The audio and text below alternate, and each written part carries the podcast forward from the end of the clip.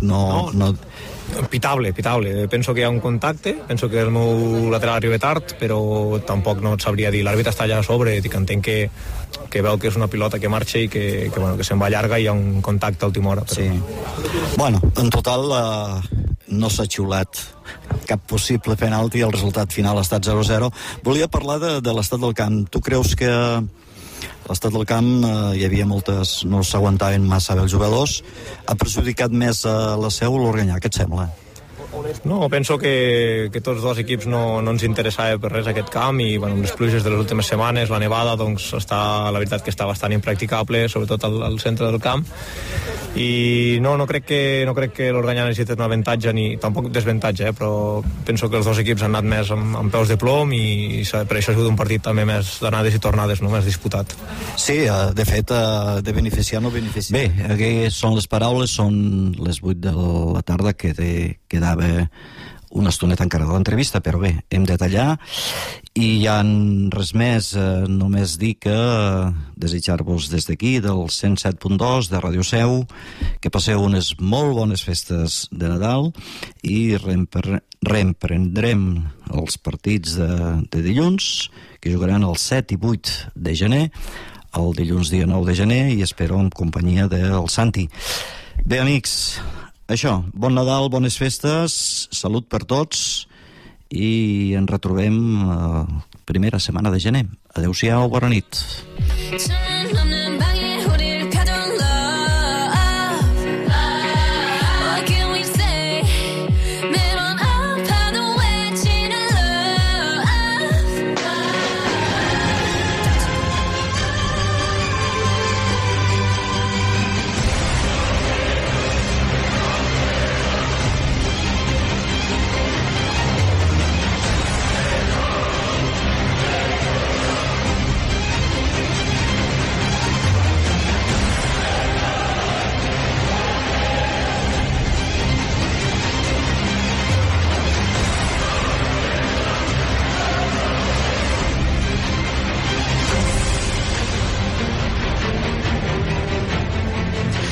Benvinguts, benvingudes, una setmana més a les Portes de Troia, el programa de ràdio d'història de la xarxa de comunicació local.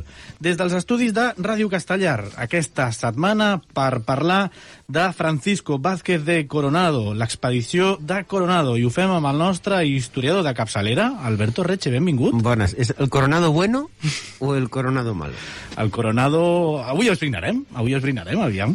I avui ens acompanya molt especialment l'Antonio Contreras, un dels nostres convidats també, ja, per què no diu, de, de, de, de carnet d'or, de capçalera també aquí a les portes d'Antroia. És, és a les portes de Troia el que és Coronado el Coronado Malo al, al, al cinema espanyol.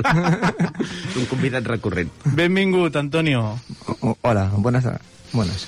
Antonio, eh, és Francisco Vázquez de Coronado un d'aquells personatges oblidats de la història? Doncs jo crec que sí, perquè sobretot la història de la presència espanyola al, a la part nord dels Estats Units, del continent, està molt oblidada. Mm. Tot i que Després veiem que els, al Congrés dels Estats Units tenien un pare fundador de la nació que és, és espanyol, tenint tota la presència i l'ajut, la, el desenvolupament de la guerra durant la guerra d'independència americana, l'ajut que fan els, els militars espanyols per controlar els anglesos i tota, tota la, la feina. Hem de pensar, per exemple, que recurrentment surt un, un, una ciutat que es diu Sant Louis, a Missouri, aquesta ciutat és una ciutat, un, for, un, un fort que van fundar els espanyols. És el, el punt més no, nord de tota la part. I oblidem també que Alaska, per exemple, va estar en mans espanyoles i totes les expedicions que van fer per la part del ocean Pacífic també eren molt importants. Llavors, és un personatge oblidat com d'altres que recurrentment, ara mm, puc ser, poder, hi ha persones que mm, han llegit a Stefan Zweig i coneixen un dels del que parlaré després una miqueta. Però són d'aquests personatges de l'època, que per molts és una època molt fosca de l'expansió per Amèrica, que s'ha oblidat, sí.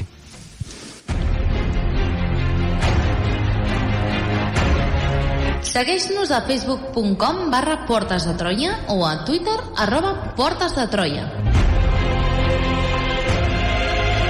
Descarrega't el podcast des d'iBooks o iTunes.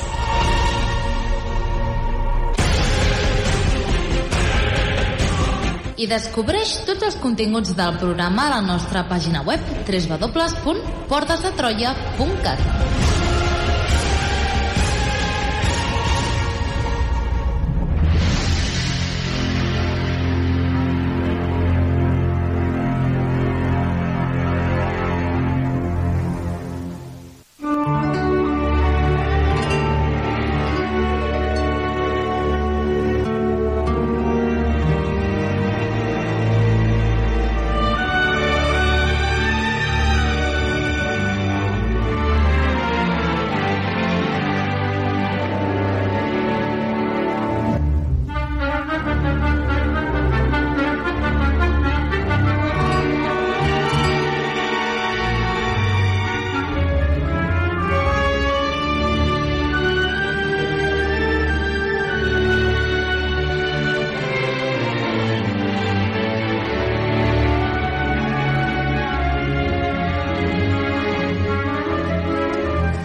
Doncs comencem aquest interessant programa d'avui dedicat a l'expedició de Coronado amb l'Alberto Reche, amb l'Antonio Contreras i com sempre que ve l'Antonio doncs tenim el luxe d'escoltar un dels una selecció musical que poder és interessant de comentar. Què estem escoltant, Antoni? Hem escoltat eh, Coronado Cross, la creu de Coronado, precisament d'Indiana Jones i la darrera croada. Així és com comença la pel·lícula, realment, quan tenim el jove Indiana Jones, que es troba precisament amb una creu que diu que és la creu de Coronado, una creu que, suposadament, Coronado porta i els hi dona als indis i ell la descobreix a Utah, que estem parlant molt, molt més a dalt del que va portar, no? Però aquest record de la presència dels primers, dels primers expedicionaris o conqueridors espanyols ja es troba a Indiana Jones, que serà després recurrent. Mm? A, a més, una música, una banda sonora, la d'Indiana Jones, de John Williams, en, en, la seva, en el seu estat de gràcia, no? En, en la mm. seva... John Williams ja... ja, però, ja, què, ha, què ha fet malament? Ja no fa... Bueno, ja no fa... A partir, jo crec que ja són cançons que no superarà. Home, ja no, ja no farà. Recordem que el gran compositor i director John Williams ho ens ha deixat fa poc i, bueno, Alberto li fa... A mi no m'ha deixat res. A ti no t'ha deixat res? No, no t'ha deixat res de res. Res de res. Segur, eh? I mira que teníem una relació estretíssima. Molt bé, comencem el programa d'avui, ens posem una miqueta en context, com sempre, com sempre, en quina època, Antonio, i quin escenari ens mourem a, al llarg del programa d'avui? Va, ens, ens mourem en el primer, pràcticament el primer terç, eh, primers 40 anys del segle XVI, i és el moment en què primer es faran l'arribada la, la, al territori americà, la, la, la descoberta o la nova descoberta del territori d'Amèrica, i després els diferents assentaments que trobarem primer a Mèxic, després baixaran cap a del sud, i en aquest moment, per exemple, uns anys abans que Comunado comenci la seva expedició, trobem una, una gesta, que hem de parlar de, de gesta, que és Vasco Núñez de Balboa, farà una cosa que per nosaltres és com surreal, que és travessar tota la part del Panamà fins a arribar a l'oceà Pacífic. Pujar, Això és una... pujar unes escales, també. Clar, és que és, hem de pensar que anava fins i tot en canons. O sigui, clar, i amb el clima, de duresa... Aquesta, mm, moltes vegades pensem eh, que els, la idea de la conquesta del territori americà és només està moguda solament per una, un criteri econòmic, i això no és veritat. Aquesta gent està eh, totalment influïda per un esperit literari, per una idea d'aconseguir la fama i sobretot per l'esperit cavallerès que després no, no, no, no utilitzaran, però sí que és aquesta idea de superar, de, bus de l'aventura, la, la búsqueda, a veure què trobaré, no? I, a més a més, hem de tenir en compte que amb una clara vocació cristiana, també. Això marca que Déu em protegirà i ho faré. Jo sempre recomano, perquè crec que és un dels relats més interessants, que eh, Stefan Zweig narra precisament la descoberta, el viatge que fa eh, Vasco Núñez de Balboa a 1513 i és realment brillant, no? perquè veus el personatge com es, es va elaborant. I és en aquell mateix moment en què trobem, uns anys després, trobarem l'expedició de Coronado. Un, un home que, com ja veurem, és una persona que és el segon de la seva família, és un segon gènit, i per tant no tindrà dret a tenir l'herència i ha de buscar una altra cosa. Doncs tenim aquest coronado sense corona, no? Com és el, el, el segon gènit, doncs queda poc per ell per repartir. Mm. I si et sembla, Antonio, comencem fent una mica de semblança d'aquest Francisco Vázquez de Coronado. Qui era? Bueno, Fra Francisco Vázquez de Coronado i Luján. O sigui, ah, per, per començar ja, el cognom d'on hem de fer, no? Ell va néixer el 1610, morirà al 54, és a dir, no tindrà una vida molt llarga, i pertany a una família, una família que està eh, eh, relacionada en la cort reial d'Isabel la Catòlica i Ferran el Catòlic. Especialment el seu pare, i aquí ve un títol d'aquests noms que ara també sona molt, perquè la gent li agrada agafar tots els cognoms, que és Juan Vázquez de Coronado i Sosa d'Ulloa, per començar. Mm -hmm. Aquest és el seu pare, que era, va ser regidor primer de Salamanca i després regidor dels territoris del de, de Regne de Granada, un càrrec important, i la seva mare era una mundona que es deia Isabel de, de Luján, que va pertànyer a la, a la part, al sèquit, estava relacionada amb Isabel. Per tant, Coronado té una formació bona, estudiarà eh, i tindrà una formació sòlida, és a dir, no, no, no pensem que és una persona sense estudis, sinó que sap el que fa, està format, i per tant aconseguirà, i això és molt important, eh, un càrrec mitjançant, i això sona molt també, no?, la influència arribarà amb èxit de la mà d'un personatge que és Antoni de Mendoza, que era un descendent del famós Íñigo López de Mendoza, marquès de Santillana i gran, noble, poderós, pràcticament, que controla el regne de Castella. Mm? En aquest context es trobem nosaltres aquest personatge, que anirà precisament a buscar, obrir un, una possibilitat d'ascens social i econòmic als nous territoris que són molt importants. Mm -hmm. Molt bé, i, i eh, amb altres grans personatges de l'època, com Cortés, com Pizarro, mm. qui, quines relacions o quines, difer quines diferències i quines similituds guarda? I, a diferència dels altres, eh, ell pertany a una família una miqueta més superior. Mm. Val? I, per exemple, si ho comparem, per exemple, amb, amb Francisco d'Orellana, que també és un... que aquest se va perdre, i també és, apareixerà una de les altres pel·lícules d'Indiana Jones, mm? a més en seu la seva mòmia i la seva pèrdua, doncs sempre és un personatge amb una formació superior. Per tant, és un, una persona que està més... Eh, no, no està... Ten, eh, no té una, una relació dolenta amb la corona, d'acord? Ell no monta una expedició, primer, de forma arribaré per conquerir una part del territori, sinó que anirà ja amb un càrrec eh, administratiu. D'acord? I aquí és quan veurà després la possibilitat d'expandir-se. Però primer ell sap que té un càrrec administratiu. I a més a més, quan arriba a, a Mèxic, l'any 35, es casarà amb una dona. I això li donarà una herència molt important de terres que ja són terres de Mèxic.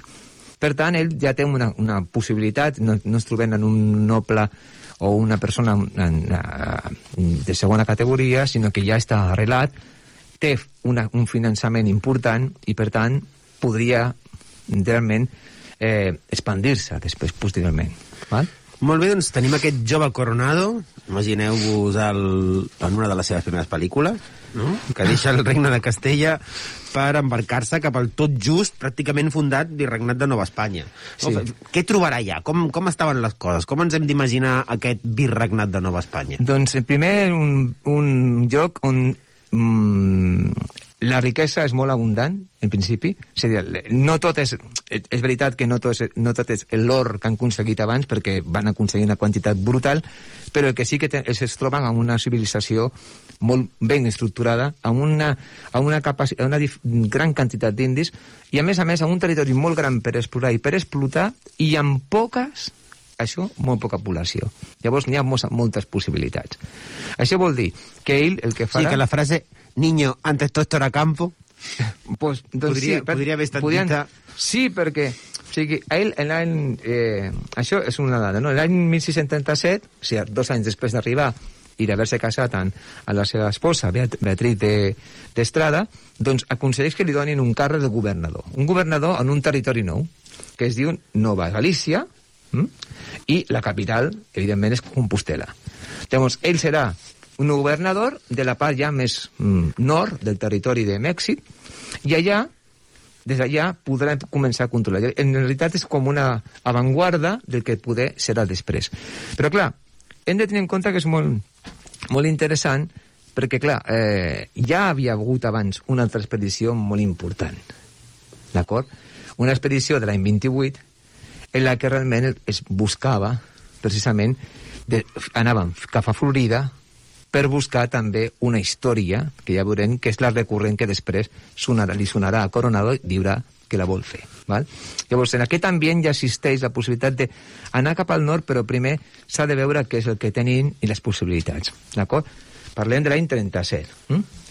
Perquè, clar, eh, tu has explicat la seva situació allà, governador de Nova Galícia, i ell posteriorment serà conegut per aquesta expedició eh, més al nord de, de, del que serà Mèxic. Però aquesta idea de fer aquesta expedició Quan es comença, quan es comença a, a crear?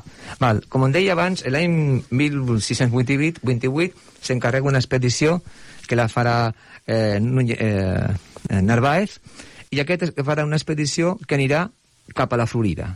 La idea és descobrir les set ciutats, perquè n'hi ha tota una llegenda que envolta aquest, aquesta història. La llegenda és molt curiosa. La llegenda sorgirà a l'edat mitjana i és la següent. El focus d'inici d'aquesta llegenda és Portugal, Porto, i després es traslladarà a la part de Castella i els personatges ja no seran portuguesos, sinó que seran castellans. La història en, eh, mítica és que eh, l'any 611, quan arriben els musulmans, hi ha un grup de bisbes, set, eh, que és un número simbòlic, que eh, decideixen que en lloc d'afrontar-se als musulmans s'aniran i viatgen cap a un altre lloc. I arriben a Amèrica. Bueno, que en aquell moment no és l'Amèrica, sinó és un altre territori, no? no es conec. I allà fundaran set ciutats, i aquestes ciutats es convertiran en ciutats poderosíssimes, riquíssimes, i hi ha molt, molt de... I, I a més a més cristianes, clar, estem parlant de bisbes. Com ha de ser. Com ha de ser, val? I clar, això és el que es busca. O sigui, aquesta idea de que hem trobat Tenochtitlan, que és una, una bogeria econòmica, eh, arquitectònicament, etc., doncs la resta és igual. Val? I s'ha d'anar més, més al nord. Jo recordo una vegada que deia un, un professor que els americans, els indígenes, sempre els deia als, als que arribaven cap al nord, cap al nord, perquè se n'anessin d'allà, no? que no estiguessin molt, molt de temps. Però en aquest cas, el que passa és que quan arriba aquesta expedició de Narváez, resulta que comença el 28 i a l'any 36 arriben quatre dels supervivents. I aquests quatre, doncs, què faran? Eh, faran un relat, un en concret, que és eh, Núñez Cabeza de Vaca, el nom és molt atractiu. Sí, amb aquest, amb aquest nom, ah. què pot ser Timarant? Val? Llavors, Núñez Cabeza de Vaca escriurà un relat que es diu Naufragios. En aquest relat del Naufragios conta la seva aventura, el contacte amb els indis, sobretot els indis que eren indis semínola, de la part de Florida, però també parla que van trobar altres ciutats, altres territoris, i després, el que és més curiós, sobretot, un d'aquests que, super, que serà un supervivent es diu Estebanico o Estebanillo, el seu cognom és Dorantes, i és un esclau nord-africà que va anar a aquesta expedició. I clar, què passa quan tu arribes a un lloc i no, ningú et conec? Doncs t'has de donar a conèixer. I en aquesta idea de donar-se a conèixer, ell diu que ha vist les ciutats i que n'hi ha, hi ha riqueses, que n'hi ha de tot, perquè li facin probablement una miqueta de cas i que tinguin, no? Això... Hazle casico a Estebanico. A Estebanico. Val, era un esclau d'un noble canari ho tenia I, tot. clar, va, ell va parlar d'aquesta idea, no? Les set ciutats existeixen, jo les he vist. Clar, sempre n'hi ha gent que vol escoltar i diu, si aquell l'ha vist, doncs jo aniré, no? I aquests rumors se comencen a estendre per tota la part de, del nord de Mèxic. Ells arriben, aquesta expedició arriba a Sinaloa, de Sinaloa arriben a Culiacán, que és el, el gol de Califòrnia, i després es traslladaran precisament a la part de Nova Galícia. Eh, aquesta informació arriba un frare, que es diu eh, Marcos de Niza, i diu, doncs jo faré una expedició, perquè vull trobar-me amb els bisbes cristians. Que Vives continuen, cristians... Continuen vius des després de 800 clar, anys. Sí, com això és com el cavaller d'Indiana Jones amb el grial, no? Doncs allà estan i estan els bisbes, jo aniré, no?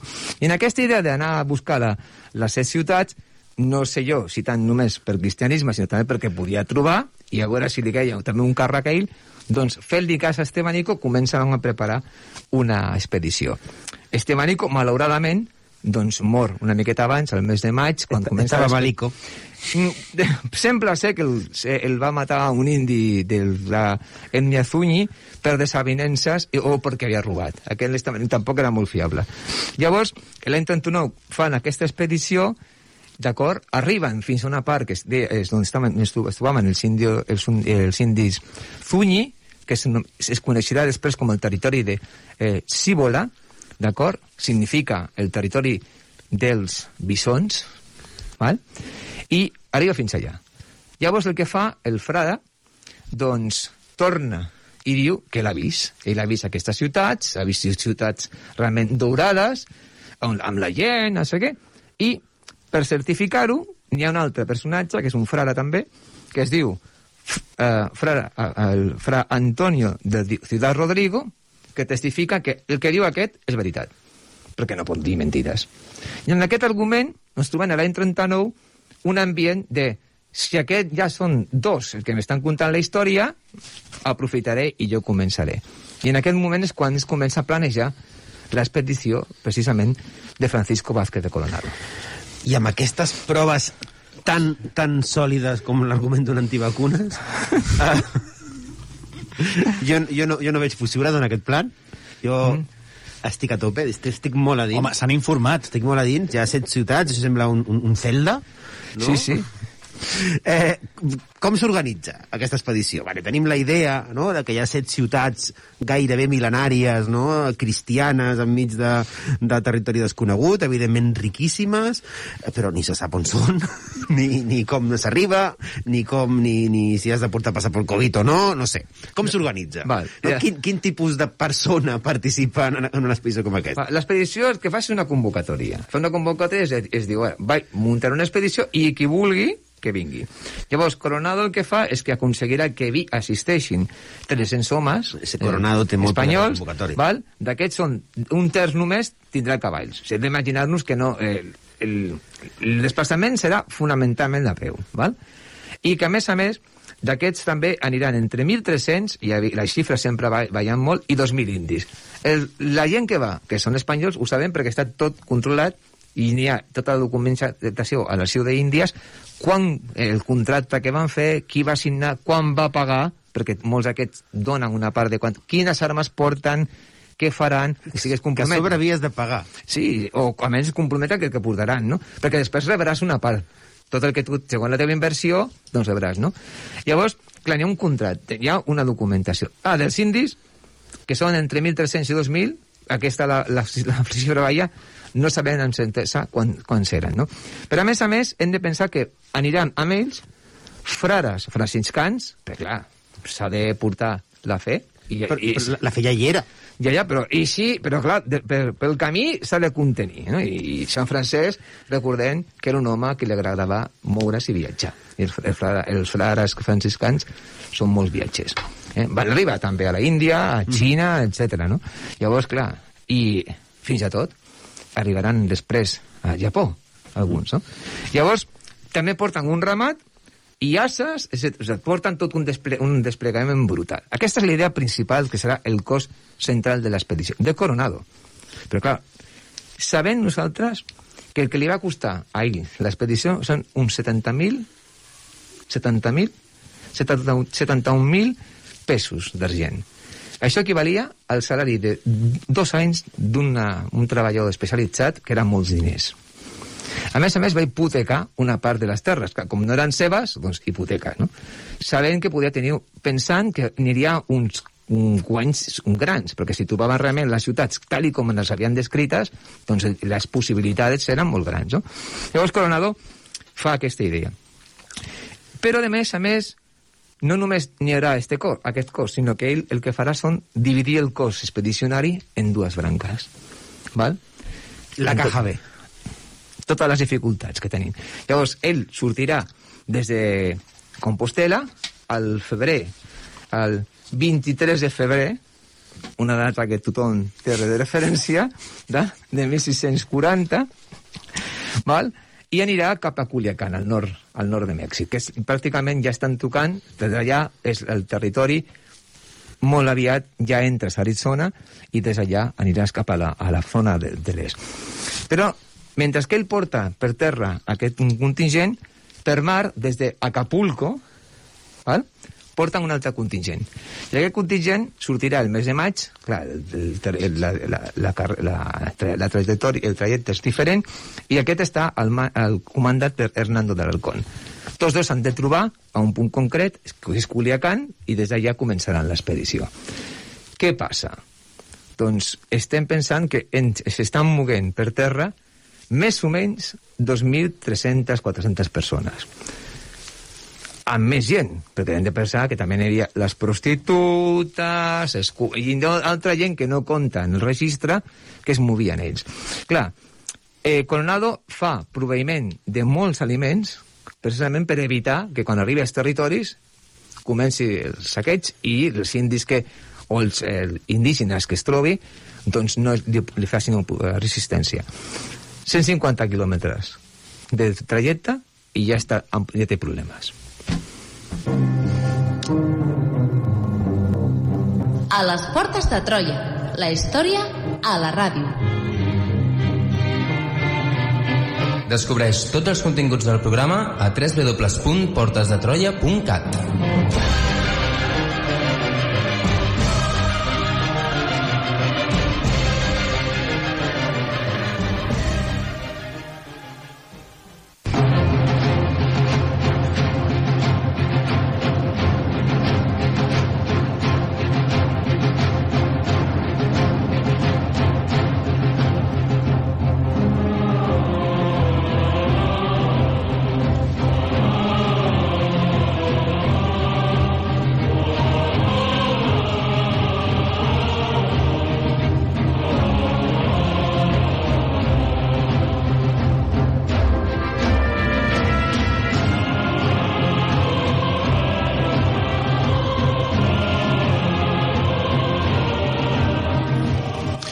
Ja tenim l'expedició en moviment, l'expedició d'en de, de, Coronado, amb tota, amb tota la seva gent, la gent que surt registrada, la que no, i també, Antonio, com ens estaves explicant, amb els primers problemes. Els primers problemes que s'agreujaran conforme vagin avançant.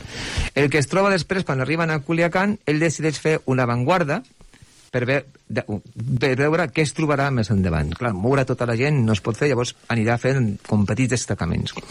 La primera avantguarda la, la portarà un personatge que es diu Tristan de Luna i Arellano, i aquest arribarà precisament on havia arribat primer eh, el famós eh, Fray Marcos de, de Nissa, i es, es trobaran els indis Funyi, que en realitat és una part de los que nosaltres coneixem avui dia com els indios pueblo. Sigui, un, unes, uns indis eh, fonamentalment que es basen en l'agricultura i en el comerç i que tenen estructures, ciutats construïdes en adob dins les muntanyes que són de color l'adob és daurat mm. pel sol mm. que el terra és daurat, perquè clar, es fan ai, el terra, ai, i ai, això... Ai, ai, ai, ja I ja, ja comencen... No amb... mentia, el frare no mentia. No, el frare no mentia, no deia tota la veritat, o va interpretar... El tocomocho. Ah, llavors, clar, és, són, són estructures que són ciutats. Llavors, i li, li fa molt... Eh, clar, ell és suprem perquè diu, aquesta gent, doncs clar, ja fan el, el retrat típic, no? Doncs com van vestit, què és el que mengen, què és el que, culti el que correen, que els, realment els sorprèn, fonamentalment és blat de moro, i és una, una, un sistema molt, eh, diguem, humil, de, eh, la, la, el sistema d'arfareria que tenen és també més rudimentari, però clar, hem de pensar també que el clima és diferent. Eh? Jo moltes vegades insisteixo en això, m'agrada molt dir-lo. No és com ara, n'hi havia molt, era molt més verd, llavors no era com un, el desert que ens ho donen ara, sinó que era una zona amb, amb més eh, vida, aigua, etc. Jo, jo ara ho sento molt, però és que no puc treure'm del cap una imatge mental. Ai. A Coronado, que s'ha anat a buscar set ciutats daurades, arriba la primera i resulta que és daurat, però perquè és fang. Jo me l'imagino sí, sí. ja... Bon dia, Mari Carmen! Que farro! Sí, sí, i aquesta... què, què, què, passarà? Clar, no? Que... I a més, quines seran les reaccions de les poblacions d'aquests funyi, d'aquests eh, indios Puebla, que, que es troben, no?, sense voler-ho, a una expedició de milers d'homes buscant una cosa que no existeix. Clar, no, quan ells es troben que veuen... Eh, quines joies tenen, que té aquesta gent, no? Doncs conxes, piscines, una miqueta que arriba des del sud, és a dir, no tenen eh, or, és que no ni el coneixen. Llavors, clar, dius, on han arribat, no? Llavors es trobaran també en què, clar, eh, el sistema de, de funcionament és molt diferent. Aquest territori, realment, aquesta ciutat, és on es situaria el que identifiquem amb Cíbola, és a dir, el lloc on viuen, dicen, el país, la capital del país, dels bisons. I això és molt curiós perquè quan fan la descripció dels bisons diuen som uns animals, no, no tenien referent, no? perquè no n'hi havia bisons en aquell moment, ja no quedaven bisons a la península ibèrica. Diu, no, els bisons són molt curiosos, diu, són molt grans, més grans que un, que un, que un toro, molt més grans, tenen pèl, eh, i pèl a la part de dalt, diu, semblen que siguin en la seva estructura per fer aquesta definició com si fossin lleons, però molt més grans. Diu, llavors descriu com són, diu, sobta que van a milers, grans ramats d'aquests animals que quan comencen a, a, a, a, a moure's fan tremolar tota la terra. Llavors, ell va descrivint el que veuen, però clar, d'or, res. I de ciutats, com havíem vist, Tenochtitlan, tampoc. A veure, tampoc n'hi havia tantes, s'han de dir, no? Però clar, la gent es pensa que eh, la part de... Quan s'arriba a Amèrica els conqueridors, tot, tot esto és Tenochtitlan, però hem de pensar que també la majoria de les, de les construccions són construccions més fràgils i que no tot és, per, és pedra ni res això, eh? com passava a Roma. Eh? Llavors, i la segona fa, envia una altra avantguarda, aquesta està comentada per García López de Cárdenas i aquest li envien cap a l'oest. I el seu trajecte va anar, va anar tenint després la descripció, arriba un lloc, diu que són unes muntanyes enormes, unes muntanyes on ja es troba amb ossos, eh, eh, ja, ja, mm, pumes, etc i un riu enorme, molt poderós, que és el riu Colorado. Llavors li dona el diu, precisament perquè la tonalitat que té de color vermellós, i ja diu, li diu que és Colorado, i després tenim un, co un coronado que és i un colorado. colorado. colorado. Ah. O sea, quina puta merda, si tu podies passar la història per haver descobert un riu i que li posin el teu nom, que sigui el riu Coronado, i, i podies haver-te coronado, Va, però a, a, a, li posen el nom Colorado. Però d'or, res. Llavors, fins aquí comença una part, no? Què es trobem després? Da, arriba l'hivern i, clar, la gent es pensa que Nou Mèxic i tota aquella part eh, és sempre calor. Es pensa que és el tròpic. I no, no. Quan arriba el fred, arriba el fred, i el fred de veritat, amb neu. Clar, al arribar a aquesta part de l'any la, de, de han d'hivernar i és molt difícil. És veritat que segueixen avançant, però amb moltes dificultats. Perquè, clar, el subministrament és molt escàs, no n'hi ha població que pugui mantenir-te, perquè clar, pensem que són pobles molt petits, no tenen possibilitats de mantenir molta gent, i això, això es complica més perquè, ja deia abans, no? moure canyo, canons, etc. els animals, l'estrès, el desconeixement de les llengües dels indis que es troben, la, precisament la sorpresa que tenen els indis, veure com arriba un, un grup de gent que li va pegar, i ells el que van fer, els seus sabent, sempre troben algú, però que els envia sempre cap al, nord, cap al nord, nord, nord-est, nord-est, nord-est, no? Home, jo sóc, jo sóc un poblat indi, i m'arriba un Càrdenas i també l'envio al nord. Clar, i llavors, i això es troben, tot i que no tenen molt conflicte, perquè les lluites s'indran després, no? però no n'hi ha, hi ha plecs enfrontaments, escaramusses, sí que és veritat, no podem parlar de gran batalles, hi ha un moment en què lluitaran i bombardejaran una miqueta un poble, però clar, llavors eh, un po veuen que és inaccessible, perquè no, no, el poden, no el poden prendre. Són pobles molt alts, difícils de cedir, és a dir, mm, que tenen aigua, no pots fer res, no? Llavors el que es trobaran és que continuarà l'expedició eh, dirigint-se cap al nord-est, i un personatge que es diu Hernando de Alvarado decideix triar un càcic, eh? també un nom així, un, un càcic sí, indi. Semblen tots de la cúpula del PP. amb aquest nom. doncs tria un càcic... ¿Ha visto usted Alvarado? Eh, compte perquè, clar... M. Rajoy. Aquest, aquest, que encara, aquest... encara no se sap qui és. No, no sé. No... Tu, tu no tens ni idea, Rajoy. tampoc? No sé. M. Manuela, Rajoy. Manuela Rajoy. Manuela, sí. Manuela Rajoy. Doncs aquest Alvarado tria un càcic, un indi, que el, va, va ser conegut com el Bigotes. I això no és broma. La trama, la trama. Ja el tenim, ja el tenim. És, això no és broma, es diu el Bigotes. Llavors, li diu el Bigotes, aquest indi, que els hi diu que existeix, una altra, eh? que existeix a les set ciutats més enllà. I li parla ja i comença a dir-li, no, n'hi ha una altra més enllà, ja n'hi ha altres més enllà, que hem de continuar.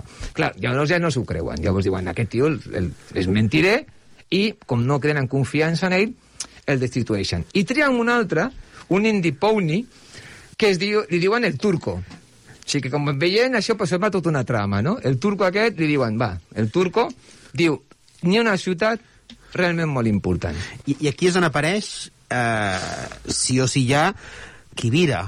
Exactament. No? Aquesta ciutat tan, tan uh, llegendària, tan, que tan, no? que tan adonat de parlar, Sí, sí. tot i que tingui nom d'estanteria d'Ikea.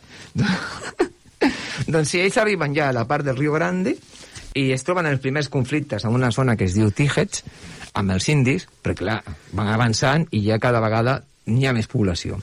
I llavors aquest, el turco, els diu, més al nord és, trobarem Kibira. I Kibira podia ser... Eh, hem de tenir en compte que és veritat, ells continuen avançant, eh, Coronado va, va patir una caiguda i tenia, no es trobava bé, però continuen avançant. Que es prengui un bifidus. i continuen fins a, a Kibira, i clar, quan arriben a Kibira, eh, suposo que la cara va ser molt bona, no? Eh, indis Wichita i tipis. És a dir, un poblat enorme de tipis indis. Realment gran, però que pobladors que encara no coneixien, són després seran indis de les, de les planures, però que encara no coneixen el cavall. Clar, arriben allà i es troben un poble, pobre, amb una gent que això de l'or, si tenen alguna cosa, és el que ha trobat, que algun ha portat, que té relació, i la fascinació és brutal. Llavors, Coronado veu que no poden contenir. Estem parlant d'una zona que ja es troba a Kansas. És a dir, ell va travessar, va, va des de Mèxic, fa una part que seria, vull dir, eh, Sinaloa, que és, eh, eh, ah, seria eh, Texas, Nou Mèxic, Arizona, una part de Colorado, Oklahoma i Kansas. És a dir, no he calculat, però són milers de quilòmetres caminant. Eh, estem parlant d'un any. Sí, sí, ja, ja ha passat l'hivern, ja arriba l'hivern, vam I un continua, no? 23F... Llavors, quan arriba allà, quan arriba allà, poder, el que sí que, se, que està clar és veritat, que aquesta llegenda de les set ciutats podria tenir una relació amb una ciutat que va existir, que es deia, que és que era Cochica, i aquesta ciutat era una ciutat que es trobava a, Il a l'Illinois, a la part ja també, a Missouri, la frontera amb Sant Louis, que és on van arribar després els espanyols, que és una gran ciutat de la que tenim documents, era un, una ciutat de fusta, que es fonamentava sobretot en, en l'agricultura, que va tenir, segons els estudis, fins a 16.000 habitants. Mm. I que al final, del, cap al 1415, com a molt, es va deshabitar o bé per problemes polítics o bé també per influència de la deforestació del territori. O sigui, n'hi ha documents, n'hi ha restes arqueològiques que demostren que era una ciutat molt important. Clar, però aquesta ciutat moltes d'aquestes ciutats hem de tenir en compte que aquestes restes eh, tumulàries que n'hi havia als Estats Units al segle XIX van ser destruïdes.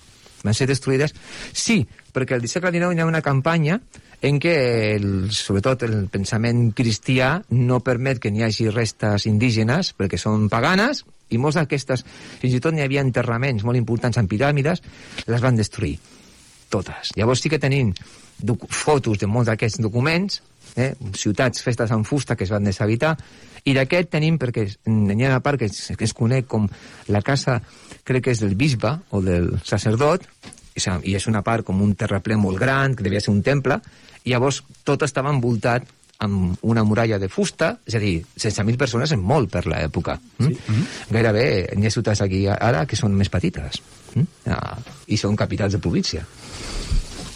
Perquè, llavors, eh, es troben això, i clar, el record d'aquesta ciutat poder sí que havia arribat, encara que fos... ja portaven gairebé més de 100 anys que s'havia extingit, però que recordaven que al nord al nord n'hi havia una ciutat molt poderosa en comerç. Poder aquest era el record, no? Així, així és com funciona la memòria oral, no? La tradició Sí, sí. oral. Nosaltres, però és que encara no, no, no domina el català i llavors no, no, no, no li podem preguntar, però recordo que tenim aquí a, a Joe Biden a, a l'estudi, sabeu? aquesta Estem parlant de les seves terres, ara mateix. I de fet, de fet potser té algun record de joventut sobre, sobre Kibira, perquè si fa no fa, devia sí, sí. ser quan ella estava fent, fent l'ESO. Més o menys. Més o menys. Doncs, Uh, llavors, ja hem trobat Kibira, Sí, sí, ja sí. hem trobat com a mínim dos de les set ciutats aquestes legendàries, eh, en trobarem més? Uh, doncs... o, o resulta que eren set però són dos, el Bigotes i el Turco ens han mentit. doncs aquí el viatge ja acaba perquè primer ja Coronado no, no es troba bé de salut i veu que no, no trobarà res més, perquè ja arriba un punt en què el viatge s'ha extingit. No n'hi haurà més, veu que els territoris que tindrà són els mateixos, eh, aquesta és la idea, eh, són pobles humils, eh? pobles que es dediquen a la ramaderia, com a molt, o són, eh, conreen terres, n'hi ha un petit comerç, però no són poblacions com ell pensava. Pensem que aquí no és l'explotació d'una minadora. Aquí clar, que és, és, és, que, és que venim, no... Venim de Tenochtitlan, eh? O sigui, clar, és com si tu dius després, eh, anem i aconseguim conquistar, conquerir tota la part de Cuzco, i després me'n vaig a la Patagònia. Clar, és que no és el mateix. Llavors, sen, sense desmereixer, no? La, la quantitat de diners... Però això passa per arribar a l'últim. Clar, val? Llavors, eh, què li va passar? Doncs que ell, mm, assenyaladament, doncs, se retira, retorna en la seva expedició i arriba a Nova Galícia al mil... Una mica abans de retirar-nos de, de l'expedició, per, mm. per tornar a, a insistir sobre, sobre el mapa, fins on arriba aquesta expedició? A Kansas, fins on arriben? a l'estat de Kansas. Clar, perquè li han dit, no, més al nord, tira, ja. Tira, tira. Però no, eh, no hi ha doncs, cap, cap, a, cap a, arriba, a Padilla ni res. Tira, tira, a no, veure no. si, si Arkansas. No, arriba fins a Kansas, o sigui, és l'estat de Kansas, però no, no se'n van tots, eh? No, que ja és pràcticament el que, el que volia Dorothy, sí, no? Sí, sí, o sigui, és, és, seria pràcticament després la que seria el territori de, de gairebé eh, més a l'oest està Missouri, però Kansas és molt, és, és un d'aquests del Midwest, avui, dir, avui eh? és, un, és una zona molt elevada, eh? molt allà, eh? d'acord? I quan arriba, que són planures, i, és un, i fins allà arribarà. Ja no, veu que no, no vol continuar perquè no troba el que buscava, però n'hi ha dos frares que es quedaran, dos franciscans que es queden allà, dels quals després no saben res més. Es queden allà per intentar es suposa eh, doncs convertir els indis que eh, estaven necessitats de tenir sí, una... Sense saber l'idioma... Eh, exactament, sense eh, saber l'idioma pensàvem que podia ser... Probablement aquests dos en algun moment algun dels indis eh, va assassinar o van morir o van deixar abandonats, perquè clar... Mm? I, eh, això és el que tenim, no? A les portes de Troia. Descobreix la teva història.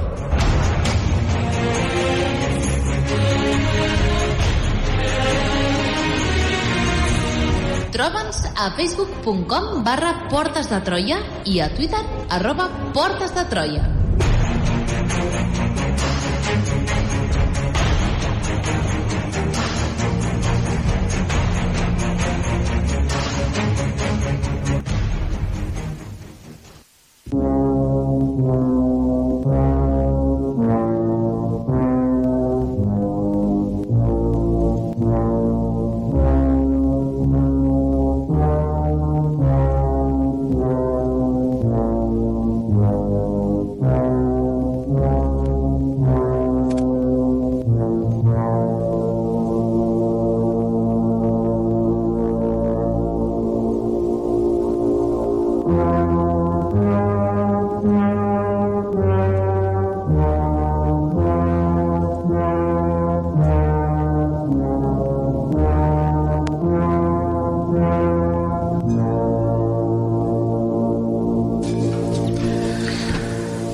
Resplandor. Exactament. és una versió d'una obra que es diu Dies Irae, un cant eh, de l'edat mitjana, realment, i el que fa és el dia, i el, els dies de la ràbia, els dies de la ira, no? una, vers, una versió que és, tothom conec per, precisament per la versió del Resplendor. No? I és que realment, o sigui, a mi m'agrada posar aquesta música perquè és una bogeria el que estan fent. O sigui, anirà a fer tot un viatge tan gran, brutal, no? que avui per nosaltres, sobretot per la gent que és molt, està molt més arrelada o que busca ràpidament el material, aquesta, aquest passar-se un any sencer sense una documentació, només basant-se en els rumors, i, i, és tot, una expedició... I tot un senyor governador. Sí, sí. sí, sí que no és un, un mindundi, no? que és un tio que té unes responsabilitats administratives. Sí, sí. No? A Nova Galícia, i diu, guarda'm la cadira, que ara torno. Hipoteco, sí, i me'n vaig. No? Clar, és una clar, jugada... Clar, per nosaltres aquest pensament és molt complicat, perquè clar, podríem veure'l com només un... No, aposta econòmicament i ja està. No, té un component més, perquè és si ja aconsegueix fer arribar allà i, i, i entrar en contacte amb aquesta gent, que són, en el fons, abans passats no, són visigots, hem de, eh, clar, hem de tenir en compte això. Estic trobant... No, no, estic, estic trobant... Això és molt important. Estic trobant Espanya. Exactament, estic trobant les arrels i hem de pensar que estem parlant d'una època que ja és l'època imperial. És a dir, jo estic trobant arrels, gent, i per tant estic justificant a un mes la idea de que el territori del nord ja era espanyol fa molt de segles. Llavors, aquí sempre una, una, Aquí una la, qüestió... La giragonsa és tremenda, aquí. Clar, clar. O sigui, en el seu pensament això existeix, és a dir, la possibilitat de trobar-nos aquest també permetrà després, podria permetre una justificació, una explicació de el que el territori realment pertanyia, no? Pensem una cosa molt important, eh, que quan ell, ell arribarà allà, doncs tornarà, tornarà a Nova Galícia, a l'any 42, doncs ha de presentar-se a Ciutat, a Ciutat de Mèxic per explicar el que, fa, que ha fet, per fan tot un procés burocràtic, demostrant en què s'ha gastat. Però després de tot això, eh, l'any 44 ja tornes a la seu, continua sent governador, d'acord? I així serà fins que eh, decidirà deixar el càrrec i viure de les seves rendes. O sigui, ningú le, le, le... li demana la més mínima responsabilitat. És que això està bé, eh, com a bon governador de Nova Galícia, és una traducció molt gallega de, de grans dirigents. Eh, Coronado, que em deus que jo... Jo, sí, eh, no, sí, bueno, es- no, no, esa no expedición de lo que usted me habla. No sé, ¿qué me habla usted? Què és això? És la, la pregunta que farien, no? Llavors Coronado arriba i que doncs, viurà el resta de la seva vida, les seves rentes que té, perquè les teves, les rentes ja les té, no, mm, no expliquen després com va pagar, però sí que va ser... Farà una carta molt important dient-li al rei tot el que havia fet, explicant la seva tall, i que havia intentat fer-ho, i al final després tot això queda en no res i continua el seu càrrec. El que és molt curiós de tot això és que, clar, no és l'únic viatge que es farà. La, la pregunta és aquesta. Això és flor d'un dia o hi haurà més expedicions? Perquè, tal com ens ho expliques, um, el xup -xup, hi ha un xup-xup cultural, no?, d'aquest desig de- d'aventura, que entronca molt bé també amb aquest món de la, de la terra ignota, no?, de, mm -hmm. del, de, on es projecten tots els ideals de la novel·la de cavalleria, per mm -hmm. exemple, no?, de, de, de, uh, els límits de la realitat, allò fantàstic, on tot és possible, no?, on de cop mm. i volta po podem trobar set bisbes exiliats, no?, o fugits... Uh, de la invasió eh, musulmana que han fundat set, set ciutats en un lloc totalment inesperat que i, i surts a buscar l'herència goda de, mm -hmm. de, de Castella eh, clar, això o, o és producte de la bogeria d'un d'un desequilibrat o, o hi ha un xup-xup de l'època no? No, no. Eh, hi haurà més expedicions Sí, sí, semblants sí, o, sea- o pitjors Des de després de la seva n'hi ha 11 expedicions menys que aniran... 11 expedicions. 11. O sigui que aniran fent diferents per, territoris del nord, més petites, amb més èxit. D'aquestes també n'hi ha relacions, perquè, clar, tot això queda relacionat i es, es guarda després a l'arxiu d'Índies, tenim tota la documentació. I ara, de, de fet, es van publicar, hi ha eh, edicions antigues, però es van reeditant, publicant en comentaris, i és molt curiós perquè a l'any 1698 i entre el 1698 i 1604 un criollo, ja una per tant, un personatge que ja ha nascut a Amèrica, que es deia Juan Doñate, repetirà la mateixa expedició. Clar, sí, sí, no ha anat bé. Clar. És com anem a buscar les boles de drac, no? Clar. És, eh, tenim cent ciutats do- daurades, anem, vivim aventures, no? Torna a fer la mateixa expedició i amb els mateixos resultats, és a dir, no guanya res perquè no, no es va donar compte de que realment poder també és, una, també és un moment de confirmació ens trobem en un moment de que s'ha de confirmar una altra vegada al final del segle eh, XVI, a principi del, del XVII ja n'hi ha un intents per part eh, els anglesos tracten de començar a exportar i els francesos també volen exportar sobretot a la zona, a la zona de Quebec. Llavors és una forma de reafirmar, és a dir, anirem cap allà per veure controlar els territoris, no? Llavors el que passarà serà aquesta expedició, d'acord? I mm, sí que és veritat que després n'hi ha un relat sencer que va cobrir tota la història, que es- s'escriu entre 1660 i 1666 per un personatge que es diu Pedro Caste eh, Castañeda de Nájera, que es diu Relació de la jornada de Fíbola, és a dir, Fíbola com el lloc, i allà conta tot el viatge de Coronado, totes les persones que van participar, etc. I podem... Existeix, no? Un, sí, un relat. Sí, el relat està, existeix i, a més a més, en les versions que n'hi ha, eh, n'hi ha una versió publicada, mm, crec que és l'any el 2021, que va publicar Miraguano, on trobem l'expedició de Coronado, seguida de, la, i de Juan Doñate. Mm -hmm. Llavors podem veure i tota la documentació, un, un, un estudi històric molt solvent de què és el que va fer. De fet, l'editorial Miraguano, i no li estic fent publicitat, està recuperant textos, precisament viatges, de viatges és, eh, no només a la part d'Amèrica, sinó també al Pacífic, perquè de, no hem d'obviar això, i a Àfrica, que n'hi ha del segle XVIII, doncs, entre d'altres, per exemple, també l'expedició que va fer a l'Amazones eh, Orellana. Llavors està recuperant textos expedicionaris molt interessants que donen una, una, una visió diferent. També hem de pensar una cosa, eh? eh aquesta visió sempre negativa, nunca positiva, no? de, de la conquesta d'Amèrica, és una creació en la que no només tenen molt a veure els, els anglesos, com sempre es diuen, els francesos, sinó també els italians, eh? La tira que me tienen, no? Per què? Perquè hem de parlar, hem de parlar de que, eh, ah, clar, a finals del segle eh, arriben, es conquerirà Nàpols, de mica en mica la influència de l'emperador serà controlar pràcticament una part enorme d'Itàlia i haurà tota una oposició de les, una part de les repúbliques, de Florència, etc, que criticaran precisament aquest discurs.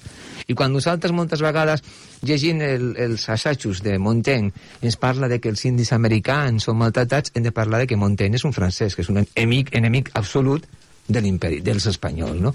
I aquesta imatge Eh, aquesta llegenda negra no només la crearan, eh, curiosament, els, els anglesos, sinó els francesos i els italians. Tot i així, hem de comptar que molts italians seran grans comerciants i tindran gran poder administratiu a, a, a, la, a Amèrica, grans firmes, no? els Bardi, etc. I no hem d'oblidar que és un italià precisament, i són italians que gestionaran la primera part de la, de la conquesta americana, que és Cristóbal Colón. Jo, jo no puc treure'm del cap aquests pobres indis, no?, de, de Quivira, d'on sigui, que veuen venir no una, ni dos, ni tres, ni quatre, Què queréis? ni cinc vegades, sinó fins a onze expedicions de senyors sí, sí. amb barba, perduts, preguntant eh, com s'arriba a, la, a les set ciutats daurades Eh, ¿Ha visto un obispo eh, por aquí? Eh, visto, no sé, sí, sí. que pinta... Eh, debe tener 800 años. No, no, pero me, no, pero me gustaría verlas. Sí, sí, no, realment ens trobem en un... És una història que és molt curiosa, eh, molt Quina llàstima, no?, com tantes vegades a la història, que no puguem saber l'altra versió no? Que, no tinguem, que no tinguem la crònica no? la, la crònica de, del, del paisano de Quivira no? durant tota la seva vida, això donaria per una novel·la que gairebé de realismo mágico, no? Sí, sí. Del, de, 100 anys de cansancio, no? I, i veure com eh, reiteradament aquestes expedicions xoquen contra la realitat, no? Mm -hmm. de, uh, uh, que totes les llums és decebedora respecte a la pel·lícula, que, que jo no sé si Coronado guanyarà un Òscar alguna vegada, bueno, no ho sé, tinc les meves sospites de que no però, però eh, corona, el nostre coronado d'avui hauria de guanyar un Òscar a la pel·lícula que es va muntar.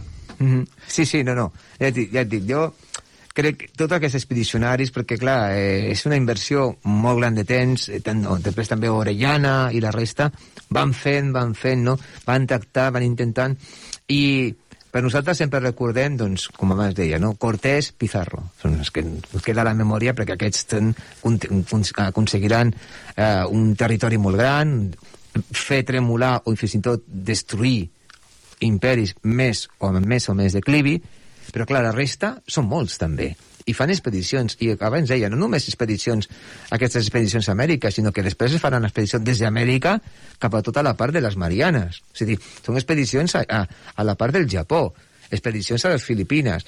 Eh, estem parlant d'un moment que és això, tu deies, no comentaves, la terra nota, però el desig de cristianitzar, que és molt important, perquè sempre aniran a la, para... en la idea aquesta de, de buscar la idea de cristianitzar, que no és, no és curiós, fa uns dies estava recordant en un col·lega doncs, quan es, ja els darrers moments abans de la pèrdua de les colònies, sobretot a, les, a, a la part orient del Pacífic, les Marianes, Filipines i tal, quan es, el, govern espanyol se n'adona de que n'hi ha presència alemanya, doncs diuen, home, hem de posar una miqueta més de gent allà, no? Enviar més, ter, més, més, personal, més personal.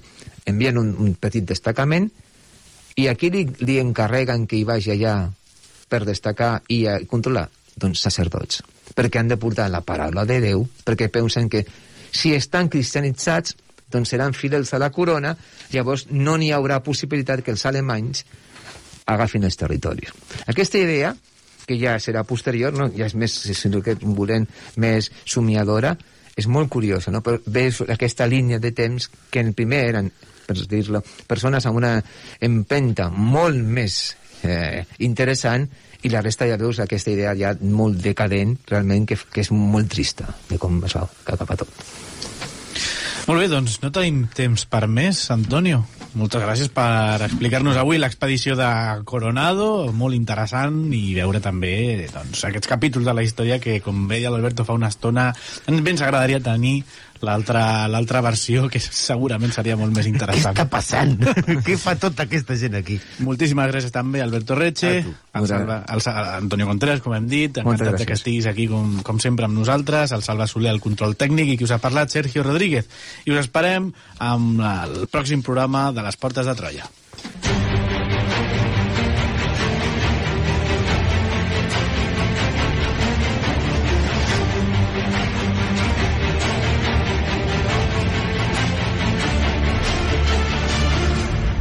Les portes de Troia, amb Alberto Retxe, Sergio Rodríguez i Albert Abril.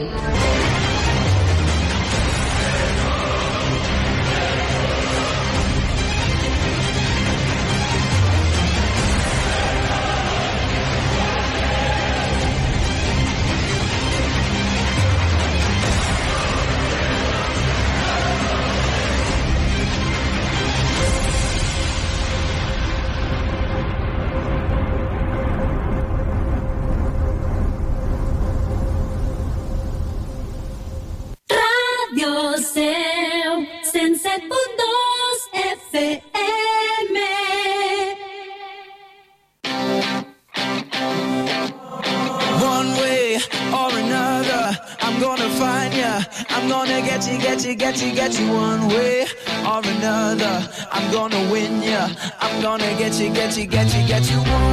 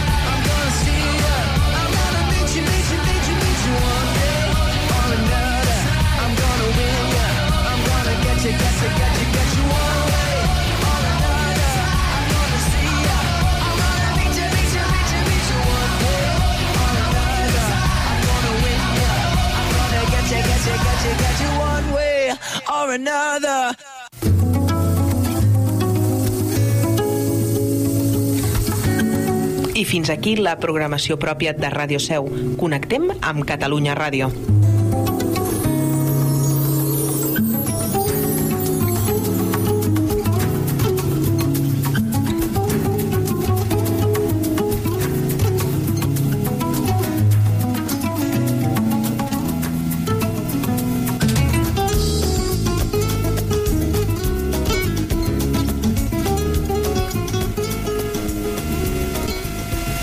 Demà a les 8 i serem una hora. Leo, felicitats, eh? Esa copa tan linda y tan deseada por todos. Catalunya Ràdio. Les notícies de les 9.